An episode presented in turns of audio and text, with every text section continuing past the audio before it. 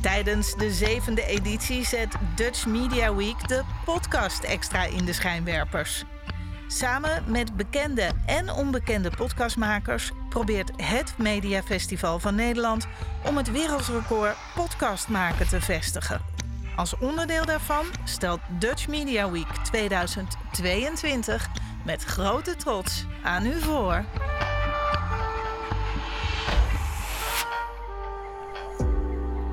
Welkom bij Oprecht, de podcast. Waarin Loretta en Elwin uitzoeken of je nog jezelf en oprecht kan zijn. In de spotlight.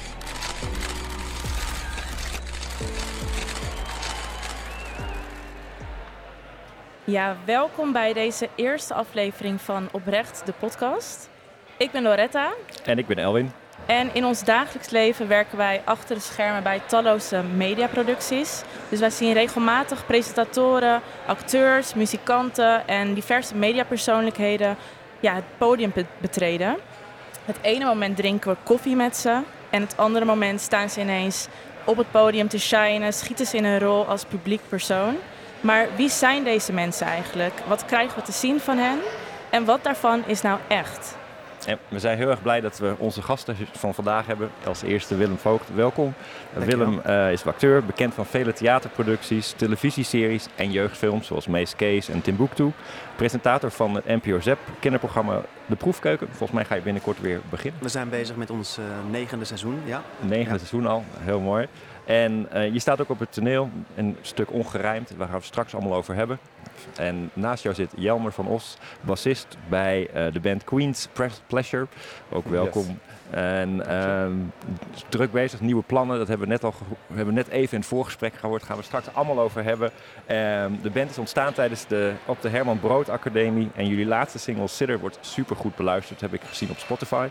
Uh, en Jelmer is daarnaast ook nog dichter. En hij rijmt ook los in zijn vrije tijd. Daar gaan we het ook allemaal over hebben. Uh, dus yes. Ja, we zitten hier in Beeld en Geluid in Hilversum tijdens de Dutch Media Week. En dat is het mediafestival van Nederland. En wij doen mee aan de recordpoging om 200 uur non-stop podcast te maken. Um, en jullie ja, gaan nu luisteren naar een uur daarvan natuurlijk en niet 200. Maar laten we beginnen. We hebben het over oprecht zijn. En ik heb even gegoogeld en gekeken wat betekent oprecht nou eigenlijk. En er staat dus dat het eerlijk is en zonder andere bedoelingen dan je laat merken. Nou, als je dit hoort, hoe oprecht denk je dan dat je bent? Willem, aan jou als eerste vraag. Um, jeetje, wat een, wat, een, wat een grote vraag. Um, je mag het zeggen van op, op een schaal van 1 tot 10, wat voor cijfers zou je bedoel het geven? je ik persoonlijk? Ja, als jij, jij als persoon. Uh, van 1 tot 10 oprecht, dan zou ik mezelf een 9 op die schaal geven. Oké, okay. klinkt goed. En jou maar, jij? Um, ja, ik probeer altijd zo oprecht mogelijk te zijn. Dus ik zou ook een 9 geven. Want, ja. Ik weet niet of het altijd lukt. Oké, okay, een 9. Beide een 9. Dat is redelijk hoog. Um, ja, laten we erachter komen hoe oprecht jullie daadwerkelijk zijn. En of jullie aan het einde van dit gesprek nog steeds denken dat jullie een 9 zijn qua oprechtheid. Um, ja. En, en, Willem, we hebben je net geïntroduceerd. En als voorbereiding hebben we allemaal uh, programma's gekeken waar je ook als te gast was. Uh, zo zijn we achter dingen gekomen. Uh, en, en daar word je altijd aangekondigd, zoals wij ook doen met Mees Case. En we ja. dachten van, ja. ja je bent de gast ergens, maar hoe zou jij, als jij dit gewoon de mogelijkheid krijgt van je mag je eigen introductie schrijven, van hoe zou jij jezelf introduceren? Oh wauw, wat een, wat, een, wat een leuke vraag. Um, ja, liever uh, introduceer ik mezelf niet als Mees Kees, want dat is een, een, rol die ik heb gespeeld. En uh, voor het laatst is dat acht jaar geleden geweest. Dus ik heb in de tussentijd gelukkig nog heel veel andere dingen gedaan. Uh, ik zou mezelf introduceren als, um, ja, jeetje, Willem Voogd, acteur, um, leeftijd erbij, 33 jaar. Uh, en dan, ja, acteur. Ja, punt. ik, ik, ik, weet niet, ik, ik, het is, ik vind het zo um, uh, beklemmend om, om mezelf... Ik, ik snap waarom dat wel gezegd wordt, maar ik vind het heel beklemmend om dan te zeggen... Willem Voogd of Mees Kees of van de proefkeuken. Het klopt wel, maar het is ook maar een klein deel van wie ik ben of wat ik doe. Ja, je bent meer dan dat. Ja. En als, en als je dat dan, eh, wij, wij hebben dat ook gedaan, heel bewust vandaag. eh, Mhm. En daarom gaan we het nu hierover hebben. Maar je, je wordt dan in een soort hokje geduwd, zeg maar. Of in iets wat je in het verleden hebt gedaan. Wat, Ja. wat doet dat dan met jou? Als, als je dat weer hoort, je denkt, ik ben in een programma, ik zit daar. Ehm, nou, ja, het ligt eraan met welk doel ik bij een bepaald programma zit. Ehm, meestal is dat, eh, vaak is dat om, om te praten over iets nieuws wat, wat ik aan het doen ben. Of om dat te promoten of wa- waar, waar ik heel trots op ben, blaf blij mee ben. En ehm, ja, om dan te zeggen dat dat, nou, Mees Kees, dat is een rol die ik heb gespeeld eh, acht jaar geleden. Ehm, dat heeft eigenlijk helemaal niks te maken met wat ik nu hier zit te doen. Dus eigenlijk baal ik daar heel erg van. Ik snap het omdat het het meest bekende is en het, het, het, het grootste is. Of dat mensen dan gaan denken, oh ja, die knakker, eh, die ken ik, eh, interessant. Wat heeft hij nu te vertellen? Dus ik snap dat daar wel een, een soort, soort, dat dat een bodem geeft. Maar liever eh, ben ik Willem Voogd, of de acteur of, of podcastmaker of eh, theatermaker. Of wat ik dan ook op dat moment aan het doen ben. Ja. En je zei ook je leeftijd erbij. Wij hadden heel bewust, we hadden het er nog de hele tijd over. Gaan we de leeftijd noemen? Gaan we de leeftijd niet noemen? Jij wel. Eh, waarom, waarom geef je je leeftijd erbij? Ja, ik weet niet. Als, als je zegt Willem Voogd, acteur, dat is ook weer zo. Het is ook misschien net, net te klein, te miniem. Misschien 33, leeftijd erbij. Dan heb je toch iets meer een beeld. Ik, weet niet. Jongeman. Dank u wel. En Jelmer, hoe zou jij jezelf omschrijven of introduceren in het programma? Ehm, ja, waarmee ik mee bezig ben, dat eh, vind ik wel logisch om dat te omschrijven. Het is inderdaad niet acht jaar geleden, daar ben ik gewoon mee bezig. Dus dat, eh, dat past wel bij mij. En voor de rest, ja, hoe kan je een persoonlijkheid omschrijven echt om dat over te laten brengen? Dat moet je toch een beetje ervaren. Dus dat hoeft denk ik ook niet. Dan is het eigenlijk wel, ja, dan is het eigenlijk wel goed zo eigenlijk. Ja. Nou, weet je, wij noemen jullie gewoon vandaag Willem en Jelmer. Dus Tom. laten we het daarbij houden dan. Maar nu ben ik wel benieuwd hoe oud Jelmer is. Ja, Ik ben, eh, ik ben 24. 24. Oké. Ehm, Willem, je wilt niet al te veel herinnerd worden aan Mees Kees. Dus we gaan gewoon nog verder terug naar 2007. Ja. Ehm, want toen acteerde je ook al. Mhm. En wat dacht je toen, wat dacht je dat daarvoor nodig was om acteur te worden? Eh, ik neem aan dat je doelt op eh, de film Timbuktu. Oh, ja. Ehm, wa- wat er nodig was om het acteren? Om te acteren. Wat dacht je toen van, oké, ik moet dit kunnen of dit moet ik zijn om acteur te worden of in een film te kunnen spelen? Nou ja, ik, eigenlijk ehm, acteer ik al langer dan, Mhm. dan dat. Dus ik, Ja. ehm, ik ben gaan acteren, naar jeugdtheaterschool gegaan, ehm, omdat ik het leuk vond om te doen. Zoals je naar muziekles gaat of eh, op voetbal gaat. Ik vond het gewoon leuk om te doen. En ja, af en toe sprong daar iets uit wat, wat professioneel was. Eh, een, een, een rolletje hier of daar. Of, of eh, in, in dit geval Timbuktu, een, een, een, een, speelfilm. Ehm, ja, daar heb ik auditie voor gedaan. En wat er voor nodig was, is denk ik op die leeftijd plezier. Heel veel plezier dat je het leuk vindt om zoiets te doen. En ehm, ja, ook misschien een beetje, een beetje kunde of, of speelsheid. Maar ehm, daarna ben ik naar de toneelacademie gegaan en heb ik echt het vak acteur geleerd. Ehm, maar toen was denk ik eh, enthousiasme het belangrijkste. Leuk dat je dit zegt. Plezier is hetgeen wat je nodig hebt, maar toch had jou, geloof ik, ja, 19-jarige le- ehm, 19-jarige Willem had daar wel een beeld bij. Namelijk, dit is wat hij zei. Heb je voor mij nog tips? Want hoe rol ik nou in een film? Hoe kom ik in die filmwereld terecht? Nou, hartstikke veel audities doen. Opvallen. Opvallen? Ja, opvallen. Je, je moet eh, Nog een geel shirt aantrekken? Of ja, gewoon, eh, ja, bijvoorbeeld, goed spelen, eh, opvallen. Zorgen dat je gezien wordt. wanneer is de première? Ah, die komt er heel snel aan. Opvallen. Opvallen, ja. Dus buiten plezier hebben we gewoon opvallen. Oh, wauw. Wat, wat, wat, wat- Waar jullie dit vandaag ge- YouTube. geplukt? Eh, ja, ik denk dat ik toen meer bezig was met eh, het professioneel willen zijn en eh, in zoveel mogelijk films willen spelen. Maar ik denk daar nu, dit is 2017, dus dat is 15 jaar geleden. 2007, ja. Dus is Ja, even, sorry. 2007, Ja. ja. Ehm, ik denk dat ik het toen gewoon heel erg cool vond dat ik een hoofdrol in een film speelde en eh, wel wist hoe de wereld in elkaar zat, dacht ik. En, en weet je nog wat je aan had toen? Oh. nee, ik heb ook geen idee wanneer dit, eh, ehm, dit interview. Of, is geweest. Ik heb geen idee. Je had had een ik wit, een wit t-shirt aan. Een wit t-shirt had ik Ja, je aan. werd geïnterviewd door Joey van der Velde van Jetix. Ja. Destijds kinderprogramma.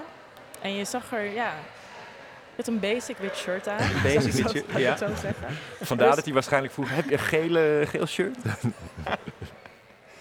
en, en, en, maar was dit al iets wat, wat je van een jongs af aan al had? Van ik wil optreden, ehm, ik wil Nou, voor een groep mensen staan.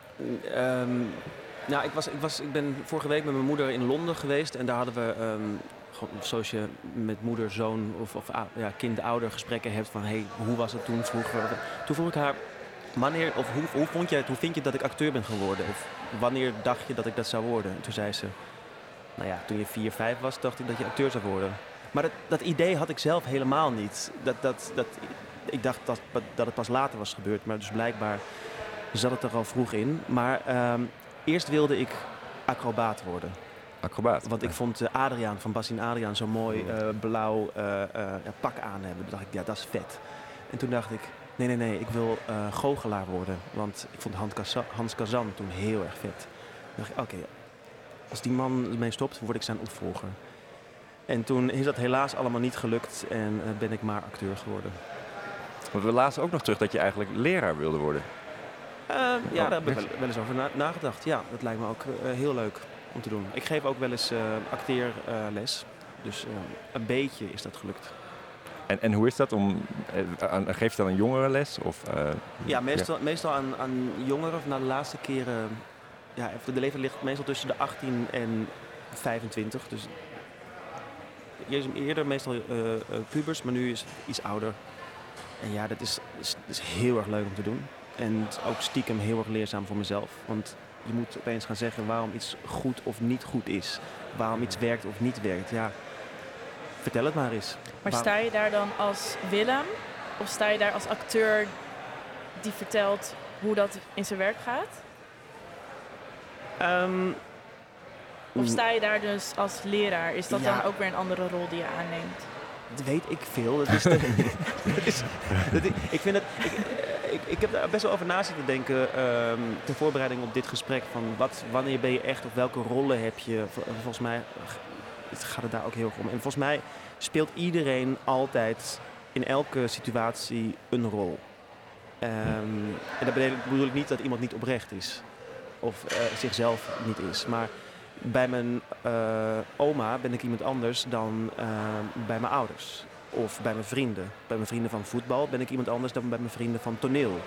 Ja. in mijn- dus- dus- en bij mijn buren ben ik ook weer anders. Dus ik ben altijd verschillende versies van mezelf. En als ik lesgeef, ben ik de lesgeefversie. En dan ben ik niet, niet mezelf, Maar, maar het is een deel van...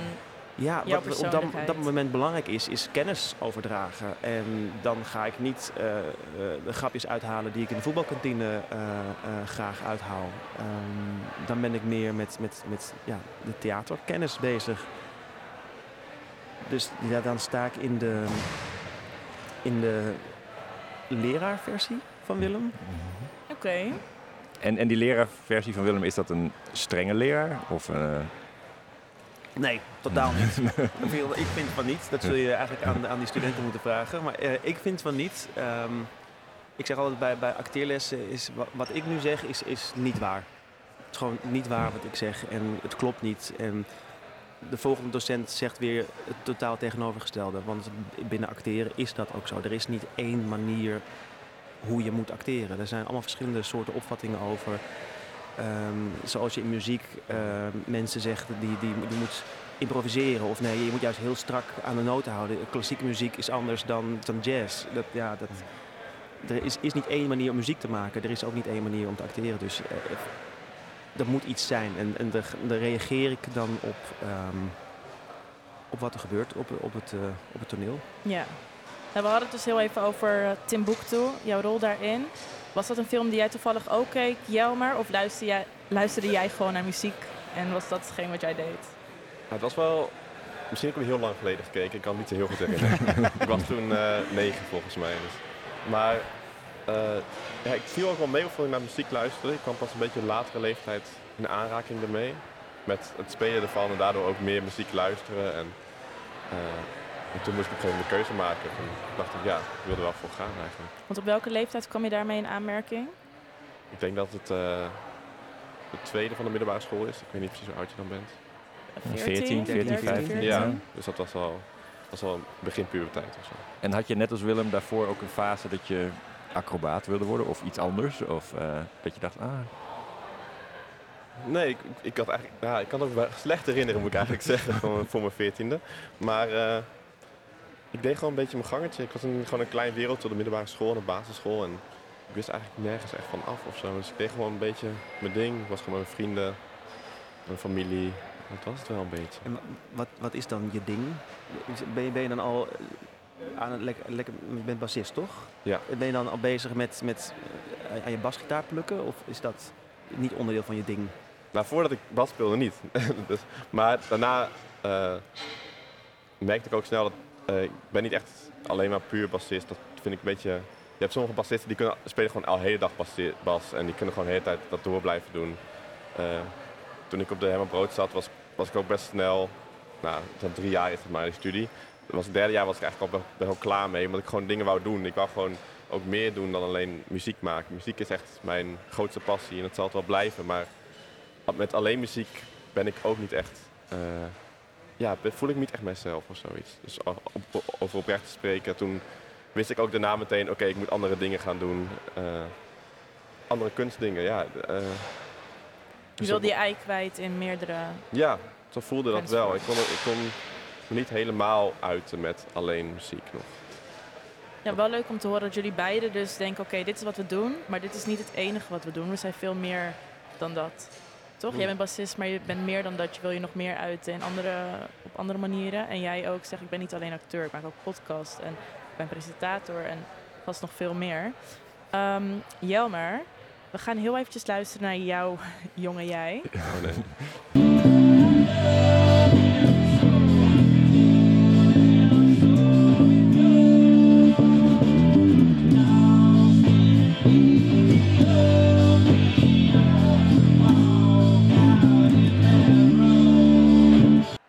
Oh, krijg je het voor elkaar om deze beschamende filmpje ooit te vinden van het mij? staat allemaal op YouTube. Je hebt het de wereld zelf Precies, die- ingegooid, ja, hè? Kan je vertellen wat, wanneer dit was en wat je speelde? Eh, toen was ik, eh, dat was het laatste jaar middelbare school en toen, eh, toen dacht ik op een gegeven moment, ja, of, of ik ga bioloog worden of ik ga, of ik ga vol op muziek. Want ik wist gewoon, als ik, erop, als ik erin wil gaan, dan moet ik er vol op gaan. Dus dit, dit was eigenlijk een auditiefilmpje voor een conservatorium. Eh, nou, zo te horen was het duidelijk niet goed genoeg. Ehm, en ik speelde Red Hot Chili Peppers, volgens mij. Ja, klopt. En eh, eh, ik speelde het heel slecht ook, dat vooral. Nou, daar kunnen wij Nou, volgens mij niet over oordelen. Nee, dat is ook niet de bedoeling om, eh, om je dat gevoel te geven. Maar ik vond het gewoon leuk om jullie iets van jullie jonge jaren te laten horen. Mm. Maar je hebt dus wel toen al ehm, auditie gedaan voor het conservatorium. Ja. Was je toen zelfverzekerd van jezelf en wat je aan het doen was? Of was je daar nog onzeker over of zoekende? Of dacht je, nee, ik ga dit gewoon rocken en hier heb je mijn cover van Red Hot Chili Peppers. Ja, ik dacht wel, ik ga het gewoon rocken. Ik ga het gewoon doen, ik ga er gewoon voor. Ehm, het lastige daarbij was wel... Ik ging auditie bij, doen bij consortiums. Dan werd je wel uitgenodigd. Dat wel, maar dan kwam je daar en dan... eh, dat is het eerste jaar helemaal. Ben het tweede jaar ben ik aangenomen bij Brood. Ehm, ja, toen kwam je daar en dan soms zeggen ze, ja, ik ben het gewoon niet. Maar ook wel eens wordt dan tegen je gezegd... Ja, moet je niet ervoor kiezen om te stoppen hiervoor te gaan. En dat... eh, ja. ja, nog steeds. Ja, dat is, wel, dat is wel een heftige tijd, maar ik heb hem nooit daardoor echt laten opgeven of zo. Ik wou er nog steeds gewoon vol voor gaan. Dus eh, toen ben ik een tussenjaar gaan doen en eh ben er volop gestort. Eh, Maar, Maar heeft ja. dat, sorry, ja. sorry, Heeft dat een boost gegeven aan je, zelfvers ja, aan je Ik zelfverzekerdheid? Dacht je, oké, ik ga nog meer mijn best doen? Of gaf het meer een deukje omdat je dacht, maar ik was toch goed en ik, ik vind dit toch leuk om te doen? Nou, ik wist wel dat ik niet per se supergoed nog was. Ik wist wel dat ik daar wel kon komen. Tenminste, dat dacht ik toen. Ehm, eh, maar het gaf me wel, het gaf me een klap, maar ook een boost. Ik moet ook zeggen, ja, ik ga ze tegenbewijs geven. Ik ga er gewoon voor. Maar die klap heeft er ook wel gezeten. Ja, En Willem, jij, schud- jij knikte ja, ja. En herkenbaar? Ja, dat is, dat is eh, zeker herkenbaar. Dat, ehm, ik heb op- de toneelacademie in Maastricht ook te horen gekregen. eh, twee keer, anderhalf keer. Nou, dit- maar de tweede keer was het, eh, het ergste, het heftigste. Dat zijn docent, ja, je bent een slimme jongen. ga die hersens ergens anders gebruiken, maar niet hier. Mhm. Je hoort hier niet. Gelukkig was dat eh, de mening van één iemand. En met- iemand met een vrij ehm, eh, sterke mening. Dus of je was eh, God of je was shit. Hm. Eh, en ik was shit in zijn ogen. Dus dat, dat is dat. En als, als je dan ergens op zo'n opleiding zit, kwetsbaar bent, dan, dan komt dat hard aan. Mhm. Ja. En diegene heb je, heb je ook vier jaar lang nog als docent gehad? Ehm, nee, gelukkig was dit het laatste project met die docent. Ja. Oké. Ehm, en gelukkig eh, heb ik zijn, eh, eh, hoe noem je dat? Zijn, zijn eh, Het tegendeel te- bewezen. tegendeel bewezen, ja. Ooit nog tegengekomen? Eh, jawel. En hoe Het is dat dan? het is niet mijn beste vriend geworden. Maar vormen zulke ervaringen jullie nou? Dat je zegt, oké, ik ben er echt een heel sterk persoon van geworden. En nog meer bij mezelf gekomen, omdat je naar jezelf dan gaat luisteren en ja, in je kracht gaat staan.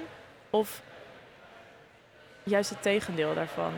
Dat je denkt, oké, ik ben wel verder gegaan met mijn passie. Maar dat soort dingen blijven toch hangen en blijven op de achtergrond spelen wanneer je dus in de mediawereld rondloopt en je tegen bepaalde types aanloopt. Voor mij heeft het wel een beetje.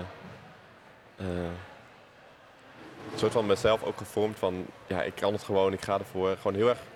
Ja, heel veel zelfvertrouwen mezelf. Mhm. Maar dat is ook niet altijd positief. En daar heb ik ook, ben ik ook hard tegen aangelopen daarna weer. Om dat een beetje weer af te kunnen breken. Gewoon meer realistisch naar kunnen kijken. Gewoon. eh, ja, wel iets meer van jezelf terug te vinden. Niet alleen dat je sommige modes kan je gewoon gaan. Ja, ik kan dit. Op een gegeven moment geloofde ik van. Ja, als ik morgen een marathon zou moeten lopen, dan zou ik dat gewoon kunnen. Ja. Ehm, ja, dat, dat is niet zo. Maar dat is gewoon een soort van modus die bij mij aanging. Dat ik denk bij mezelf heb gemaakt om ervoor te zorgen dat ik er wel volledig voor ging. Eh, en in mezelf bleef geloven en gewoon in mijn eigen manieren. Dat heeft me heel veel geholpen. Maar het heeft me ook, ja, ook inderdaad wat eh, drempels eh, of bergen waar ik tegenaan moest lopen toen. ja, en bij jou Willem? Ja, bij mij is het eh, een beetje het tegenovergestelde gebeurd. Ik, ik heb nu een, een, een imposter syndroom. Ehm, dat is voor, voor elk project dat ik eh, begin, denk ik, nu gaan ze erachter komen. dit, dit, dit Mhm. project gaat, gaat eh, eh, bekend staan als de grote ontmaskering van Willem Voogd. Dus nu, nu, nu komen ze achter dat ik het helemaal niet kan, inderdaad. En dan denk ik, ja, maar de vorige keer dan? Hoe- Ja, nee, toen was de regie goed. Of, of toen was het script goed. Of de, de medespelers waren goed. Of de, de, de edit was goed, daar heb ik geluk gehad. Eh, maar het lag niet aan mij dat, dat het oké was. Of dat, dat, dat, nou ja. Dus voor elk project kan ik niet slapen als het begint. Of eh, denk ik van nee, dit wordt, dit wordt helemaal niks. En dat is een totaal irreële angst. Mhm. Maar dat zit er wel. Ja, toch een, ja, toch een bepaalde onzekerheid ergens of een angst, ja. Ja. Ja. En hadden jullie iemand in je omgeving ook die jullie echt support of kwam, kwam deze kracht zeg maar uit jullie zelf? Nou ja, dit is niet een kracht. Of het besef dan? nee, ja, het is, het is- wat voor mij is, is een totaal irreële angst. Wat, wat niet gebaseerd is op, op, op, op, op, op een soort werkelijkheid. Als ik terugkijk Ja. van wat ik heb gedaan, dan denk ik van nou, daar mag je best wel trots op zijn, gozer. Maar ehm, eh, ja, dat zijn gewoon. Soms zijn angsten gewoon eh, niet, eh, ja, Voor mij, of niet rationeel. En Ja. dan, dan, ehm, dan moet je daar even doorheen. En daarna, als je bezig bent, dan denk ik, ah, fuck, het gaat eigenlijk best wel lekker. Dus, oh ja, nee, ik kan het toch wel. En dat, is, dat, dat gaat gewoon altijd. En dat denk ik dat het altijd zo zal blijven. ja. En het helpt het ook niet als mensen zeggen, oh, dat was echt een goede, goed gedaan. Tuurlijk wel. Ja, dat- ja, ja, dat, dat, dat Ja. helpt wel. Ja, dan denk ik, Ja. oh ja, inderdaad, ja, oh, ik kan wel iets. Dus eh, ik, ben, ik, ben niet, ik ben niet niks. Maar het is be- best wel kut dat je dat van, van buiten nodig hebt.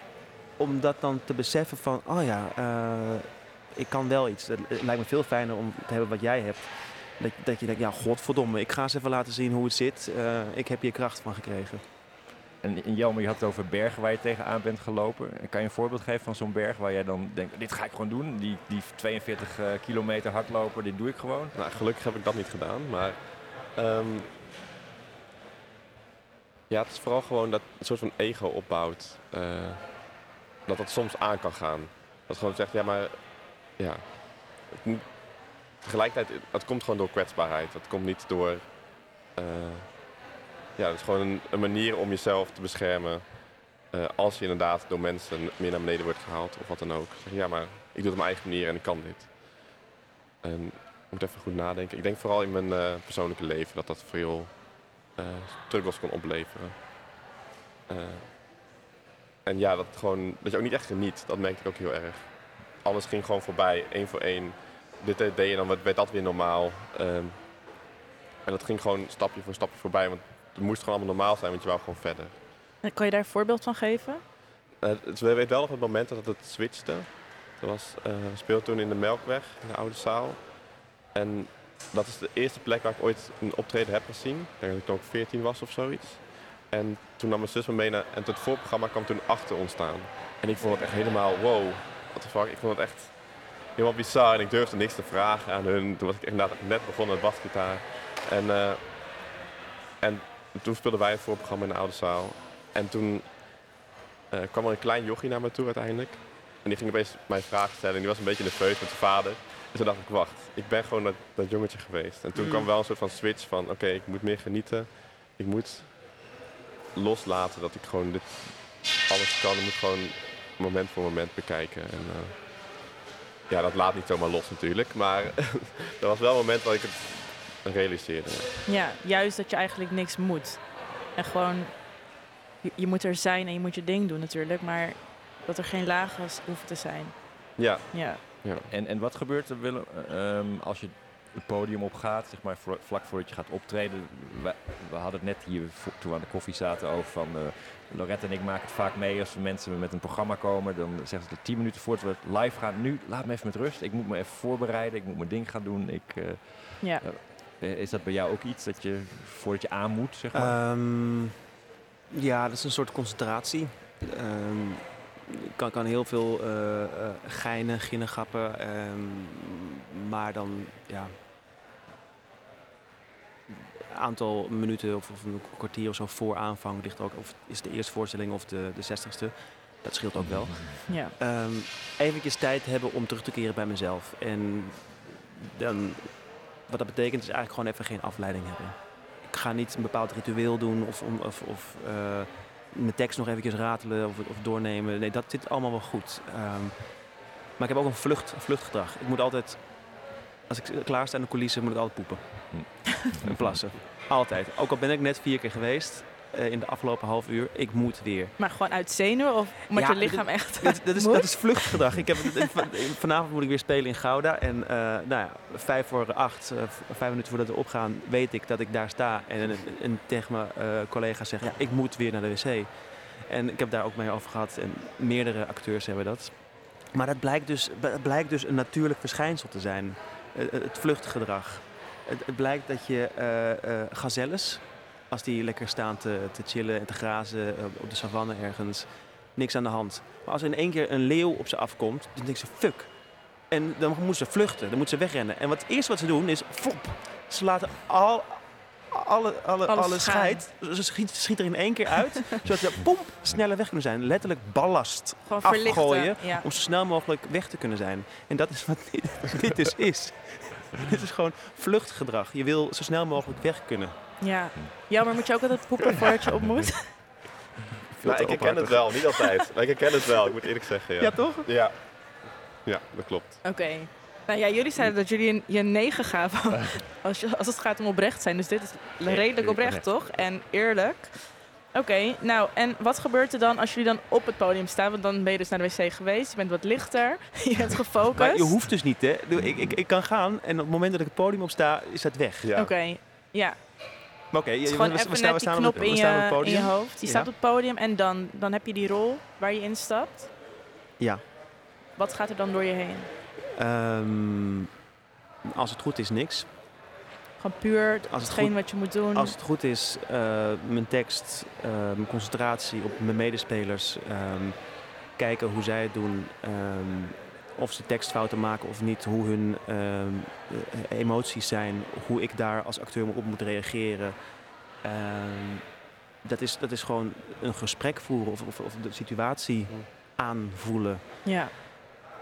En als het goed is, komt daar geen denken aan te pas. Dus de zenuwachtige Willem van tevoren, die kan je loslaten zodra je... Meteen. Okay. Ja, ja, als ik op het podium sta is het weg. Is het weg, dan, dan, dan ben ik degene die de controle heeft. Dan ben ik degene naar wie al die mensen in de zaal gaan kijken. En als ik bepaal om een stilte te laten vallen, dan is er even een stilte. Dan bepaal ik hoe lang het stil is. Dan eh, bepaal ik wanneer we snel verder gaan of niet. En dat is ja, een heel fijn gevoel om, om dat in handen te hebben. Ja. En dat maakt me ook heel rustig. En, en verlies je dat controlegevoel wel eens? Of zijn... Ja, ja als ik bijvoorbeeld eh, moe ben of eh, brak ben, eh, eh, of er gaat iets fout, er gaat iets anders, dan moet je opeens gaan nadenken. Of ik heb ook wel eens dingen gehad, en ik- oké, er is iemand, medespeler heeft een monoloog en ik ben zo meteen, maar ik weet mijn cue niet. Ik weet mijn eerste zin niet. Oh mijn god, oh mijn god, oh mijn god. De- de- En dan, dan ga ik nadenken. En dan kut, kut, kut, kut, kut, kut. En dan gelukkig kan je erop vertrouwen dat je zo lang gerepeteerd hebt, dat je het zo vaak gedaan hebt, dat het er gewoon zit. Maar de paniek, de paniek is er. Ik weet, heb jij dat ook? Dat je dan denkt, ik moet een riff spelen of iets. En dan denk ik, kut, hoe Ja, begon die ook eerste alweer? En- noot. Ja, de eerste noot En als niet het meer dan, kunnen vinden. ja, en dan, als je eenmaal gaat, dan ga je. Dus, ja, dat zit Toch? gewoon in je handen bij mij Ja. inderdaad. Ja. Want, want jou, maar jij dan op het podium? Is dat ook net zoals bij, als Willem beschrijft? Er gaat een knop om, er is nu ben ik de bassist. Ja, ik neem altijd één grote ademteug. Maar eventjes gewoon, ja, ik weet niet waarom eigenlijk. Het voelt dan goed. En dan, eh, en dan ga ik op. Ik, ik moet ook meestal beginnen. Ik ben de, intro eigenlijk. Dus ik kan in een eentje kan ik daar gaan staan. En eh, de intro begint eigenlijk best wel met een soort van kwaad gevoel. Niet echt het uit, maar het is gewoon heel erg op. Dat je bijna trilt van kwaadheid, maar het niet kan uiten. Ehm, en ik ga altijd een beetje naar het gevoel toe. Kijk, ja, als het over oprecht gaat, heb ik dat dan op dat moment niet. Maar is dat wel mijn gevoel wat ik kan hebben. Bij dat, ook bij die muziek. Dus dan, eh, en dan begin ik met spelen. het voelt toch ook fucking geil als je er gewoon daar staat in je eentje en dat dan gewoon aan het doen bent en denkt van, Ja, ik probeer, Ja, ook, echt, ja, ik probeer ook wel echt even te genieten van dat Ja, moment altijd. Ja. Ja. En en dan loop je er ook echt naar voren, dat het publiek jou ziet, dat de spotlight is op jou en niet even op de leadzanger die daarna komt. Is dat ook iets wat je meeneemt? Ja, dat, dat, dat begint meestal wel met een spot op mij inderdaad. Dat ik daar sta, eh, ja, ik speel dan, ja, zoals ik zei, een kwaad gevoel. Het komt, zo voelt het ook, denk ik, als je het hoort. Ehm, dat speel ik dan en dan probeer ik gewoon mensen aan te kijken. En wel met dat gevoel nog steeds. Eh, en tegelijkertijd, ja, ik heb gewoon zin in. Ik heb meestal gewoon echt het gevoel van, ja, ik heb hier zin in. Let's Ja. go. Maar je zegt net, op dat moment ben je dan net niet mega oprecht. Is dat dan een bepaalde boze rol die je wil aannemen om dus ja, die gruwelijke bassist te zijn? Mm, het is meer eh, het gevoel van een nummer te pakken. En dan probeer ik dus daarvoor alvast in te komen. ehm, om daarna, om ja, gewoon meteen te kunnen starten. In plaats van dat je begint en denkt, oh ja, wacht, nu, dit, dit voelt zo. En dan probeer ik alvast ja, meteen bam, klaar ervoor te zijn. Ja, Dus het is een beetje het gevoel van het nummer op me, op me nemen. Eh, ja, daarom vind ik muziek ook zo mooi. Er zit gewoon altijd emoties in. Dat, dat, dat speelt gewoon een beetje. Dat, het is gewoon altijd fijn, ook al is het een kutgevoel. Het is gewoon toch fijn om dat te luisteren. En, en, dus ik probeer van tevoren dus alvast dat te zijn, zodat voor het publiek ook het meteen duidelijk is. Eh, ja. ja. We gaan eens eventjes luisteren naar waar je het eigenlijk over hebt.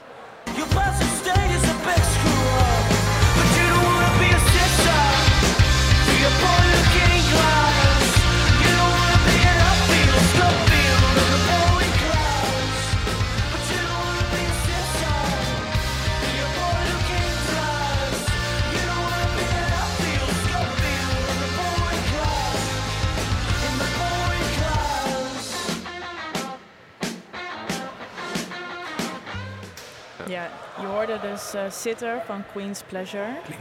Ja, ik lekker. vind het, ja, toch? Ik vind het echt een fucking vet, vet, vet nummer. Dank je.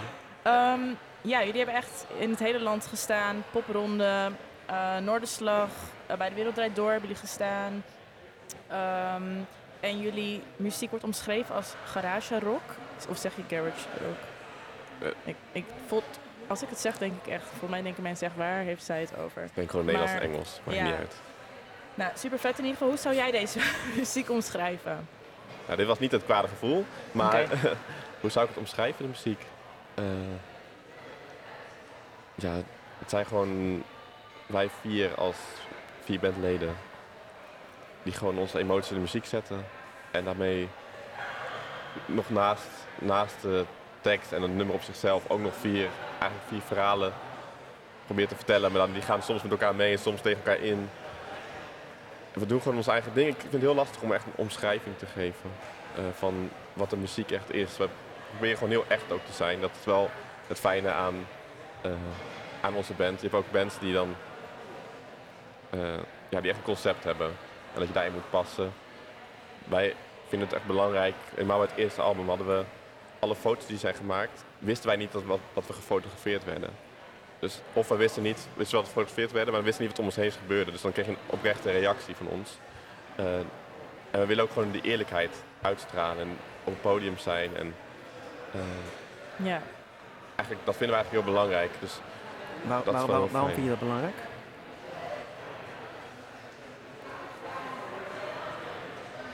Ja, dat is wel op zich wel een goede vraag.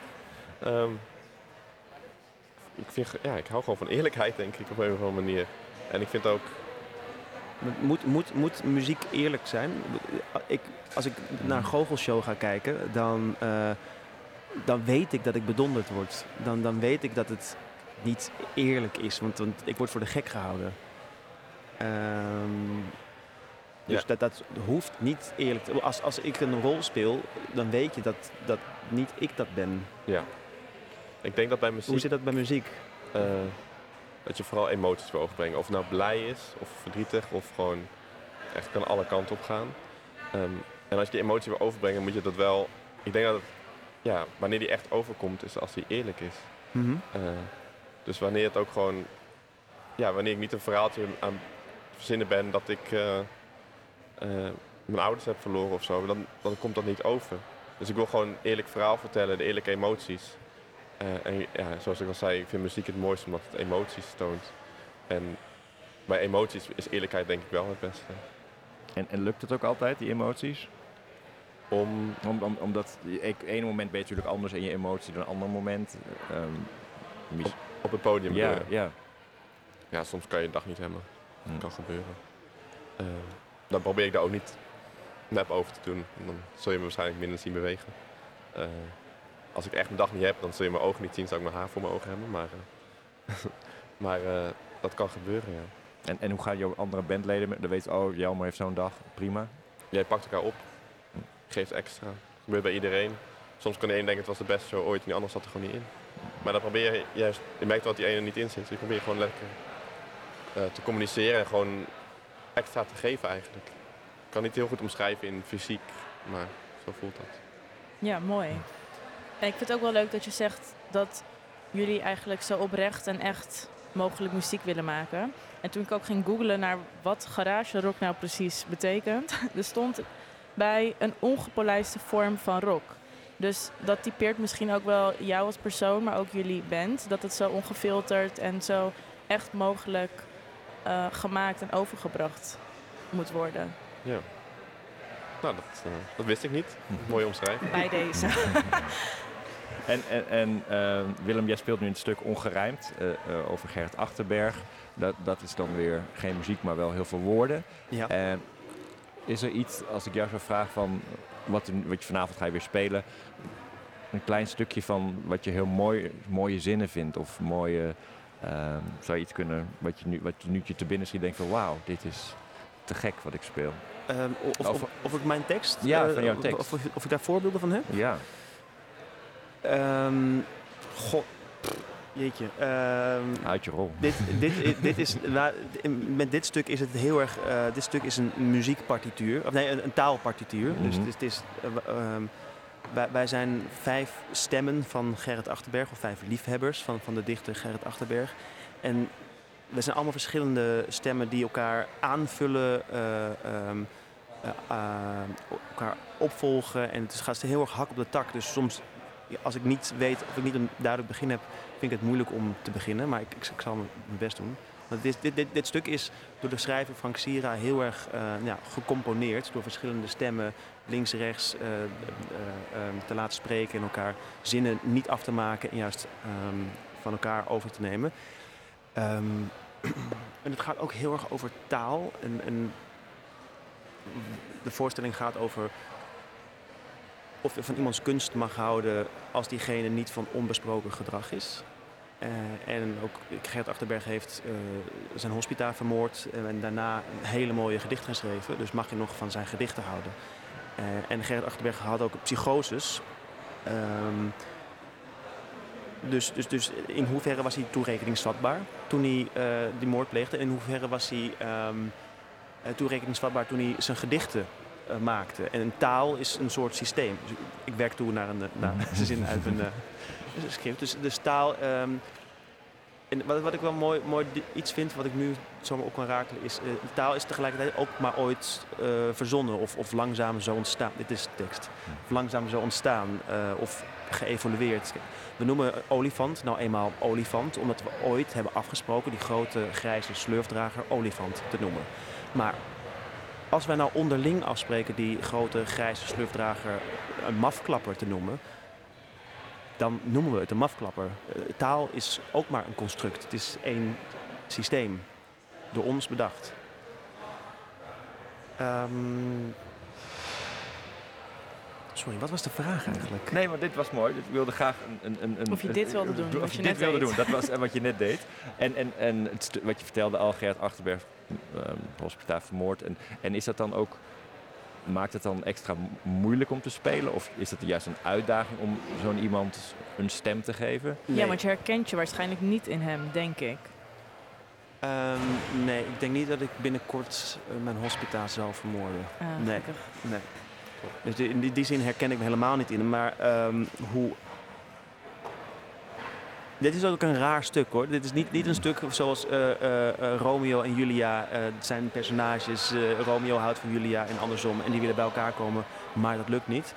Dit is, het vertelt niet één grote lange anekdote. Maar het zijn meer, ehm, ja, dit, wat ik net deed, soort, soort filosofische bespiegelingen op taal. Of over toerekeningsvatbaar zijn of niet. Of eh, over die vraag van mag je nog van iemands kunst houden als diegene eh, eh, niet van onbesproken gedrag is. Zoals bijvoorbeeld nu Michael Jackson of, of R. Kelly of Ja. Dali of... eh, eh, ik weet even, dat Ja. zijn van de voorbeelden. Dat zijn goede ja, voorbeelden. Ja.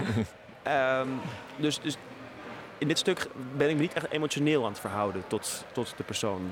Ik, ben- ik ben wel heel geïnteresseerd in de persoon en ook in de, eh, de vraagstukken van mag dat of kan dat? En daar hebben we eh, met de acteurs en met de eh, regisseur ook veel gesprekken over gehad. Mogen we muziek van Michael Jackson nog wat draaien?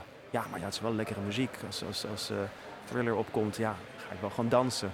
Ja, maar ja, dat kan toch eigenlijk niet? Of, dus, eh, ehm, Het blijft een dilemma, ja. ja, en dus dat, in dit stuk vind ik dat heel interessant. Ehm, maar als ik een ander stuk aanhaal, bijvoorbeeld, ehm, bijvoorbeeld een andere voorstelling waarin ik, nee, andere eh, serie de- waar, ik- waar ik iemand vermoord, ja, dan is zelf, zie ik mezelf dus niet als, als moordenaar en zie ik dat zelf ook niet doen, maar toch moet ik ergens het vandaan halen om die rol te spelen. Dus elke rol die ik speel is eigenlijk een uitvergroting van iets kleins van wat ik in mezelf heb zitten. Nou, zal ik zelf niet snel iemand vermoorden, dus zoek ik dat in eh, boosheid. Ik ben ooit boos, boos geweest wel op iemand of iets en dat ga ik dan uitvergroten. Ja. Van een herkenbaar gevoel wat daar in ieder geval bij Wat dat past. daarbij past. En, Ja. en dat dan uitvergroten en, eh, ehm, ja, en ook je personage beschermen. Want als acteur ben je een soort advocaat van je, van je personage. Want je personage moet iets kuts doen. Moet iets, iemand vermoorden. Ja, eh, daar sta ik niet achter. Maar je moet toch zien te begrijpen waarom iemand dat zou doen. Ja. En je moet dat personage oprecht spelen. Ja, dus je gaat wel op zoek naar in ieder geval herkenbare emoties die je zelf hebt, die eventueel bij het personage passen. Ja, zeker. Ja, ja. We gaan even een stukje luisteren van Ongerijmd.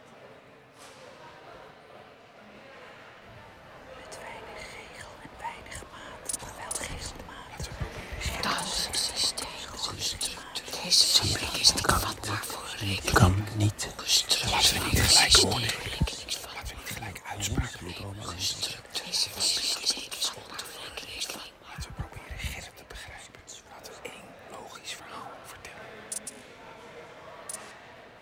Is dit een goede samenvatting van hoe... Ehm, het- ja, dit is niet wat je in de voorstelling hoort, maar het zijn wel alle vijf de acteurs door elkaar heen met hun eigen teksten. En eh, ehm, ja, dit, dit laat me wel een beetje de gekte van Gerrit. Achterberg zien. Eh, de vijf verschillende stemmen die hij in zijn hoofd heeft en alles.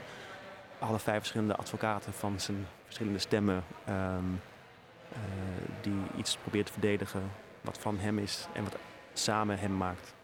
En, en Jelmer, je hebt volgens mij ook wel iets met taal Eh, ja, om je te uiten. eh, ik hou heel van dichten en van, eh, en van eh, spoken word. Maar eigenlijk ben ik een soort van neppe di eh, dyslect. Dus eh, ik ben niet per se heel goed in taal. Dat weer niet.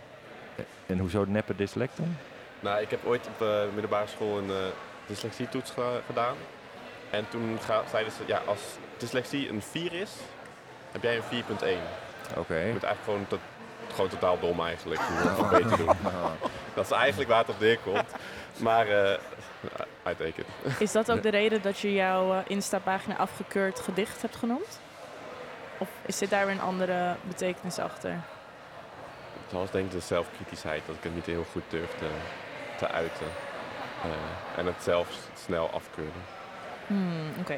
Maar we hebben een... eh, We, hebben een ja, we hebben een tekst en we wilden jou eigenlijk ook een beetje overvallen. het is je eigen tekst, maar ik weet niet of je met de dyslexie die jij net benoemt of dat, het dat- fijn vindt en comfortabel om dit voor te dragen. En anders vragen we Willem. Nou, dat- hier overval je me wel mee, moet ik zeggen. Ehm, ik lees, Sorry. is het oké als ik één keer even één seconde doorlees? Ja, Tuurlijk. En als je het niet wil voorlezen, doen wij het. We, we zagen dit en we dachten, hé, hey, dit, dit geeft ook wel weer een kant van jouw persoonlijkheid eh, weer, zeg maar. Ehm, ja, een echte kant van jou. En volgens mij ook het feit dat je vindt dat ehm, ja, mensen misschien wat meer op anderen moeten stappen en echt contact moeten leggen. In plaats van op een andere manier. Oké, nou, Dat dan, heb eh, ik eruit gehaald. dan ga Maar- ik er maar gewoon voor. Mooie introductie. Ik begrijp de koningen van Tinder niet. Net als de koninginnen. Een avondje delen, een drankje drinken, gezellig door het park al over seks beginnen. Koos mij gerust. Als ik niets meer ben dan pink en vinger, want ik betaal liever één ring dan verschillende herinneringen. Yes, Dank je- dankjewel. Dankjewel.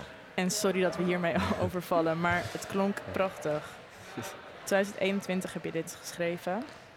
Ehm, Was er een speciale aanleiding waarom je dit schreef? Mm. Ja, ik denk gewoon wat ik zelf. eh, ik vind eh, lust in mezelf gewoon heel moeilijk. Dat, dat is de reden. Ik kan niet zo goed eh, lust accepteren van mezelf. Oké, dit klinkt Dat- mysterieus en alsof we hier nog heel veel dingen over kunnen vragen. Maar misschien moeten we het ook gewoon laten voor wat dat is, die mysterie. Toch? Want daar zit ook de kracht van poëzie in, denk ik. Moeite met lust accepteren. Ja, het is wat, ja, het is wat jullie willen, maar maakt niet uit. Het mysterie is ook goed. Het, het roept wel iets op. Het roept zeker wat op.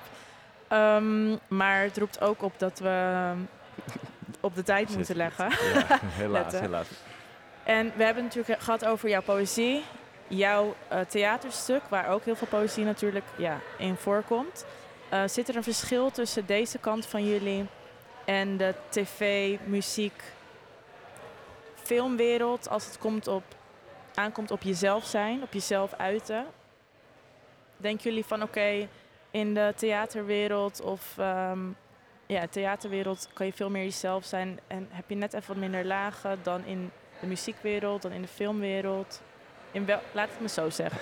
In welke wereld ben je het meest jezelf? Of zeg je nee, dit is verweven? Ja, ik, ehm, ik ja, god, ik ben- eh, meestal mezelf, ehm, maar dus verschillende versies van mezelf, zoals ik bij mijn moeder of bij mijn vrienden allebei mezelf ben, maar andere versies. En waar ik het meest, mez- meest mezelf ben, dat weet ik niet.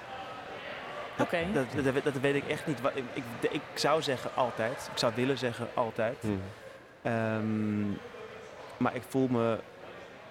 Het, het- ik voel me heel fijn bij mensen eh, die mij kennen. En ehm, ja, dat is een heel vaag antwoord, maar mensen die mij kennen en, en, en, en, eh, die ik vertrouw. Daar kan ik mezelf het meest blootgeven. En Jelmer? Ik wil er wel een beetje op aansluiten, inderdaad. Ehm, ja, som- sommige mensen ben je gewoon heel spontaan. Als je heel spontaan bent bij mensen, dan heb ik het gevoel, dan ben ik meest mijzelf. Ehm, maar anders ben ik ook mijzelf. Het voelt een beetje als soort van schuifjes van, ja, van zo'n ja, van zo'n tafel van, om op te nemen. Je bent gewoon allemaal, maar soms gaat één stukje van je persoonlijkheid gewoon ietsje meer aanwezig zijn. En soms is een ander stukje dat iets meer aanwezig is, zo- zoals bij, bij leraar Willem misschien. Ik weet het niet. Dus dan, zo voelt dat voor mij heel erg. Een soort van een paar schuifjes die soms wat op en neer kunnen gaan, maar niks ver- eh, verdwijnt er echt. Ik ben altijd mezelf, alleen soms is iets, iets meer aan, denk ik. Mooi. Jullie Mooi. zijn meerdere lagen van jezelf. Hopelijk wij ook, maar... Ja. we begonnen de vraag met eh, op een schaal van 1 tot 10, hoe oprecht ben je? Staat de schaal nog steeds op dezelfde? Willem? Eh, ja, dat, dat, staat nog, voor mij nog steeds op hetzelfde. Want eh, er zijn, hoe graag ik ook volledig oprecht zou willen zijn, er zijn ook momenten dat ik dat eh, niet volledig ben. Of eh, denk in, in de trant van uh, leugen niet hun best wil. Of, eh, of iets, iets even achter moeten houden. Eh, ja. nee, dat staat nog steeds op 9 voor mij. Jelmer? Ja, het is ook gewoon een 9, denk ik. Oké. Niks aan ons veranderd. Nou, gelukkig. Nou, dat is ook goed. Dat zijn jullie echt jezelf eh, bij ons en oprecht. Ja. Eh, bedankt voor het luisteren en tot de volgende. Ja, we Eh, zijn ja, heel erg blij met eh, jullie openhartigheid en hoe eerlijk en oprecht jullie waren.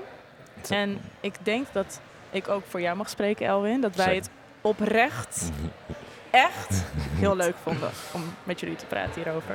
Ook dank jullie wel. Dankjewel. Bedankt. Eh, je kan ons volgen op de Instagram pagina oprecht de podcast en via je favoriete podcastplatform. En wij willen deze podcast natuurlijk niet afsluiten zonder onze eh, leuke vrienden te bedanken. Die het hebben mogelijk gemaakt om deze podcast te maken. Namelijk vormgever Thijs, onze AV-maker Risky en editor Lisa. En podcastopperhoofd Sander, die ons het vertrouwen heeft gegeven om deze podcast te maken. Dank jullie wel en tot de volgende.